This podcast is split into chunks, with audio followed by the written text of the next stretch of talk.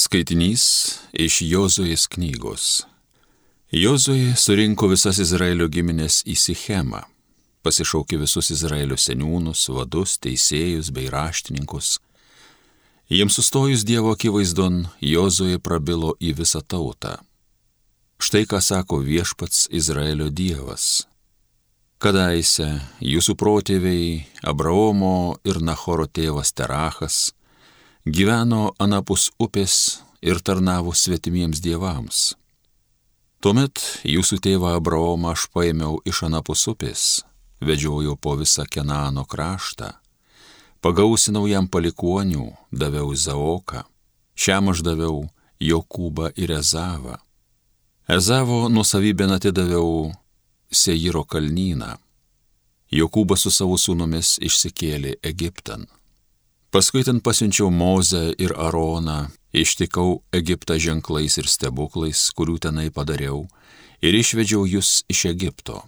Kai jūsų tėvus vedžiau iš Egipto ir jūs priejote jūrą, tai jūsų tėvus vyjosi egiptiečiai su vežimais ir raitininkais, lik meldų jūros. Tada izraelitai šaukėsi viešpaties ir jis tarp jūsų ir egiptiečių užleido tirštą miglą, užtvindė juos jūrą ir ji juos prigirdė. Jūs savo akimis regėjote, ką aš padariau Egipte. Po to jūs ilgokai prabuvote tyruose. Iš ten jūs įvedžiau į kraštą Amoritų, gyvenusių anapus Jordano. Šie stojo prieš jūs į kovą, bet aš juos atidaviau į jūsų rankas. Jūs gavote nuosavybę jų kraštą, nes jūsų akivaizdoje aš juos išnaikinau. Paskui pasikėlė Ciporo sūnus Balakas, Moabo karalius, ir ėjo prieš jūs į kovą. Jį lėpi pakviesti Beoro sūnų Bileamą, kad tas juos prakeiktų, bet aš nenorėjau Bileamo klausytis. Jis netgi turėjo palaiminti jūs ir aš jūs išgelbėjau iš jojo rankų. Jūs perėjote per Jordaną ir atvykote į Jerichą. Jericho valdovai stojo prieš jūs kariauti Amoritai, Perizitai, Kenanitai, Hetitai, Girgašitai, Hivitai ir Jebuzitai. Bet aš juos atidaviau į jūsų rankas. Aš pasiunčiau pirm jūsų širšės, kurios ir nuvijo nuo jūsų tuos du Amoritų karalius. Tad taip atsitiko ne dėl tavojo kalavijo ar lanko. Aš jums atidaviau kraštą, kuris nekainavo jums triūso, miestus, kuriuose apsigyvenote, jų nestatė, vynuogienojus ir alyvmedžius, kurių vaisiais maitinatės, jų nesodinę. Tai Dievo žodis.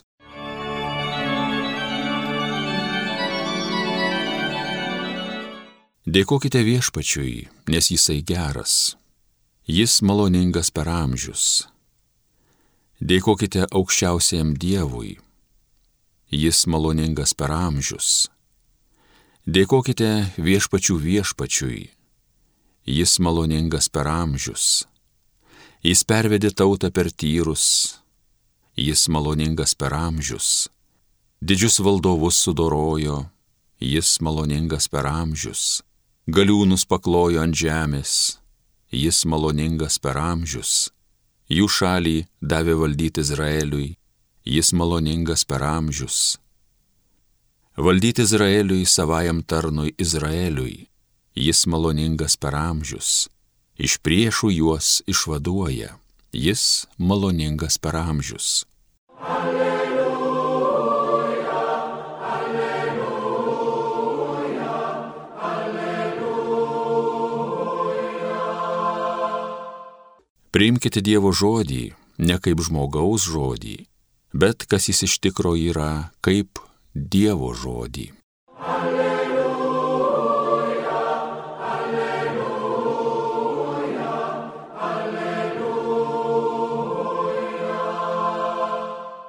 Iš Evangelijos pagal Matą.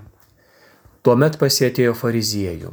Spesdami pinklės jie paklausė, ar galima vyrų dėl kokios nors priežasties atleisti žmoną. Jis atsakė, argi neskaitėte, jo kuriejas iš pradžių sukūrė žmonės kaip vyrai ir moterį ir pasakė, todėl vyras paliks tėvą ir motiną ir glausis prie žmonos. Ir du taps vienu kūnu. Taigi jau nebe du, o vienas kūnas ką tą Dievą sujungė, žmogus tą neperskiria. Tada jie klausė, o kodėl Moze liepė duoti skirybų raštą atleidžiant žmoną? Jis atsakė, Moze leido jums atleisti savo žmonas dėl jūsų širdies kietumo, bet pradžioje taip nebuvo. Taigi aš jums sakau, kas atleidžia žmoną, jei ne dėl ištvirkavimo ir veda kitą, svetimauja. Tuomet mokiniai sakė, jei tokie vyro žmonos reikalai, tai neverta vesti. Jėzus atsakė, ne visi išmano tuos žodžius, o tik tie, kuriems duota išmanyti. Nes yra eunuchų, kurie gimė tokie iš motinos iščių. Yra eunuchų, kurios tokius padarė žmonės. Ir yra eunuchų, kurie patys save tokius padarė dėl dangaus karalystės.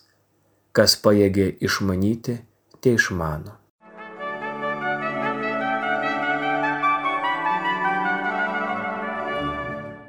Šiandien apmastoma Mato Evangelijos ištrauka.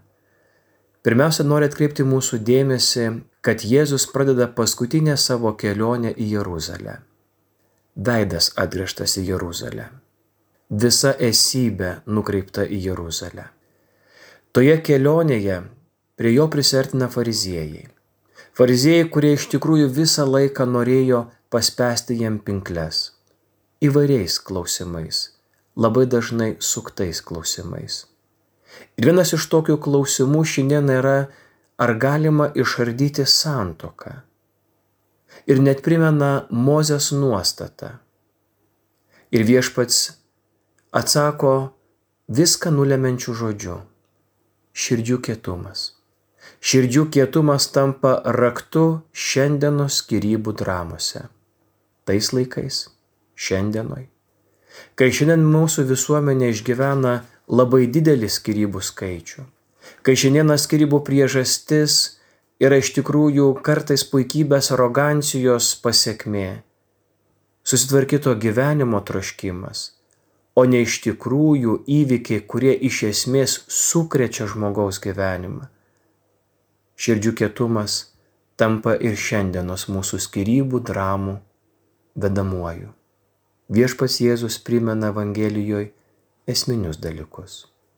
Kas yra žmogus, dėl ko yra žmogus, į ką kviečiamas yra žmogus ir koks galutinis žmogaus būties tikslas.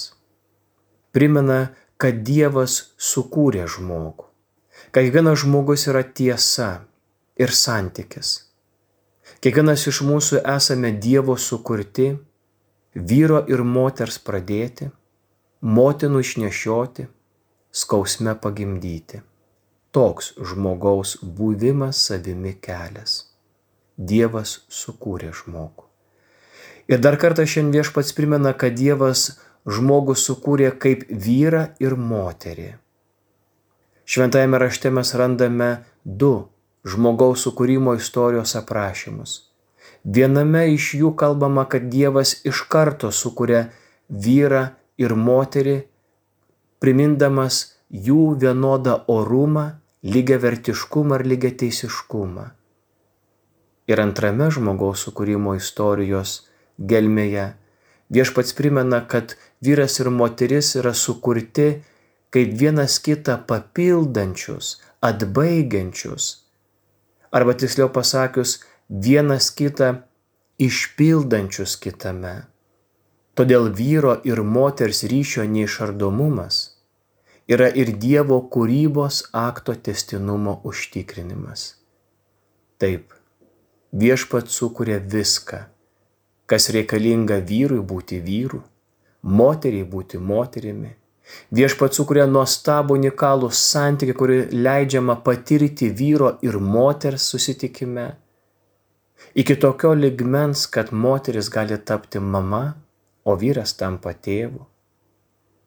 Dievas iš žmogaus prigimti įdėjo viską, kad žmogus realizuotų pilnai save šitame pasaulyje, atrastų, pažintų, susipažintų, atsiduotų, pradėtų, pagimdytų, gyventų. Kažkada Aristotelis yra parašęs labai nuostabų sakinį. Skirybos šeimos gyvenime yra tarsi pilietinis karas valstybės gyvenime. Tai skaudi patirtis, kuri išklibina visos visuomenės pamatus. Evangelijose atspindėtas Jėzaus požiūris į skirybas išsiskiria esminio santokos neišardomumo teigimu. Viešpats primena, kad santoka yra kaip sandora, kurią inicijuoja ir palaiko pats kuriejas. Santoka yra pašaukimas. Šeima yra atsiliepimas į pašaukimą. Vaikai yra išpildytas pašaukimas atsiliepiant. Kodėl santoka yra neišardoma? Ogi todėl, kad žmogus nėra savo. Jis yra viešpaties ir viešpačiui. Todėl, kad gyvybė yra Dieve, kuris dovanoja savo kūrybos vaisiams, iš kurių aukščiausias kūrinys yra žmogus, sukurtas kaip vyras ir moteris, o santokoje tampa vienu kūnu. Evangelijų ištarmės apie skirybas liūdė, kad skirybų draudimu siekiama apginti abiejų sutoktinių poreikius bei interesus. Dievas žino, kad mes gyvename už rojaus sodo ribų. Dievas žino, su kokiomis pagundomis susiduria šiandien vyras ir moteris. Dievas puikiai žino, kaip šetonas kėsinasi į pačius pamatinius ir prigimtinius žmogaus, vyro ir moters santykios lėpinius. Dėl to viešpats ir duoda kai kurios draudimus. Nekontroliuodamas, nebandydamas pavergti, bet siekdamas apginti abiejų sutoktinių poreikius bei interesus, Dievas rūpinasi žmogumi. Evangelistas Matas užsimena apie lengvų skirybų praktikai pagrindą davusią pakartoto įstatymo knygos vietą. Kur tos knygos vieta štai ką liūdija.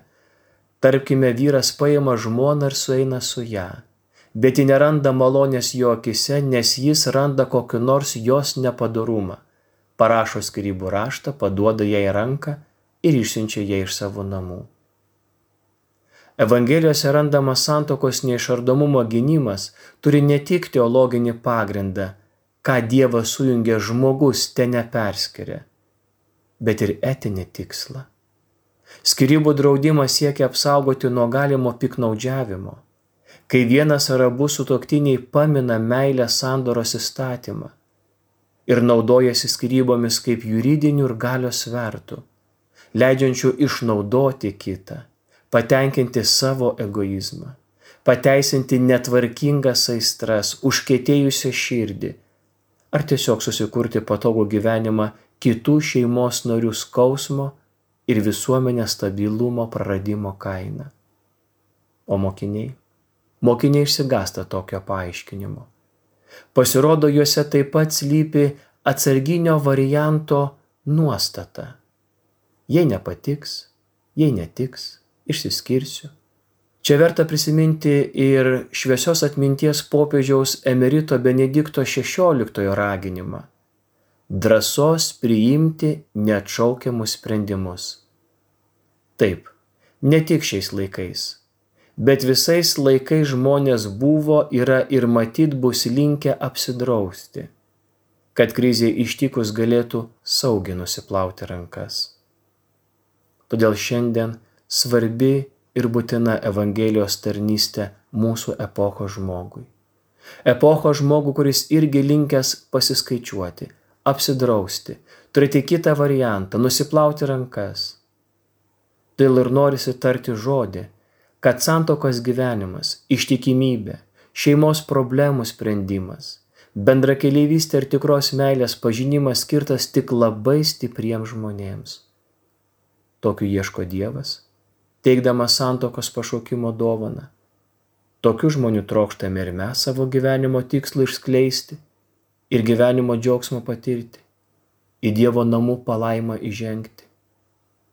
Todėl šiandien ir melskime, kad viešpats atrastų drąsių ir atvirų širdžių, patirti patį nuostabiausią jiems sutektą pašaukimą - dviems tapti vienu kūnu ir davus žodį iki mirties ištesėti.